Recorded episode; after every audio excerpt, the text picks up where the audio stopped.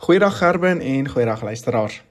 Gerben ons het gesien dat die rand baie verswak het die afgelope week en staan tans op R18.93 per Amerikaanse dollar. Dit was maar meestal weens die dollar wat sterker verhandel het as gevolg van syfers wat aangedui het dat hulle rent, rentekoerse dalk vir langer hoër kan bly in volgende jaar as wat ons aanvanklik verwag het. Uh, en ons het dan ook natuurlik gesien dat die vraag na die rand steeds onder druk bly as gevolg van beerdkrag en dan ook logistieke verval veral by ons hawens.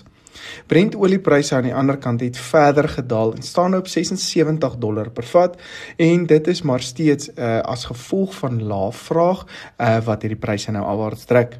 Amerika het wel aangekondig oor die begin van die week en die, die, die einde van die naweek dat hulle strategiese reserves gaan hervul wat weer bietjie die pryse laat styg het.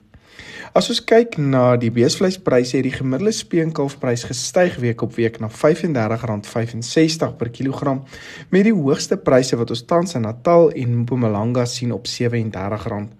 Die sentrale Vrystaat asook die Oos-Kaap is tans die laagste op net so bo die R34 merk. Goeie nuus is dat die gemiddelde A23 karkasprys styg na R54.59 met die C-graadprys ook klein bietjie hoër op R48.24. Vir Desember lyk dit of die A-graadprys onder die R56 merk gaan bly, terwyl C-graadpryse nie noodwendig bo die R50 merk behoort te verhandel teen Kersfees nie. Ons sien wel nog opwaartse potensiaal vir speenkalfpryse wat dalk in Desember en in Januarie nog opwaarts kan neig. Die stoorlamprys handhaaf ongelukkig baie lae vlakke en daal na R36.80 per kilogram met die Noord- en die Oos-Vrystaatpryse die hoogste nou op R38.66. Dit lyk ongelukkig nie of ons enige opwaartse beweging hierdie pryse kan verwag tydens Desember of Januarie nie met die huidige aanduidings dat ons egter nog laer pryse in Januarie kan sien. Wat my egter meer bekommerd maak is dat die A23 karkasprys nie die stygings gesien het wat ons verwag het nie en daal die prys laasweek na R82 terwyl die C23 prys gedaal het na R57.79. Die lae pryse in Australië plaas nou enige uitvoerpryse ook onder druk wat tesame met hierdie laer vraag wat ons nou plaaslik sien, die uh, plaaslike pryse dan ook baie onder druk hou.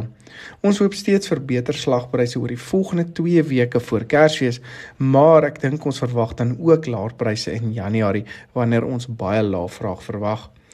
Daar was nie 'n plaaslike wolveiling nie en net pryse dis onveranderd gebly. Op die tweede laaste veiling in Australië laasweek is pryse egter bietjie op met veral fynere wol wat 'n groter aanvraag was en dis hierdie opwaartse pryse gelei het. Hoendervleispryse styg weer en is gedryf deur beter vraag asook hoër invoerpryse weens die swakker rand. Die gevriesde hoendervleisprys styg na R38.49. Die varsprys styg na R38.79 met die EQF prys ook hoër op R34.31. Afgesien van die wisselkoers en invoerprysbewegings, sien ons nie veel verdere opwaartse bewegings in pryse oor die korttermyn nie. Varkpryse kom geweldig onder druk en daal ook die afgelope week met spekvarkpryse op R35.50. Vleisvarkpryse het gedaal na R35.90 terwyl die nuutste worsvarkprys daal na R26.97 per kilogram.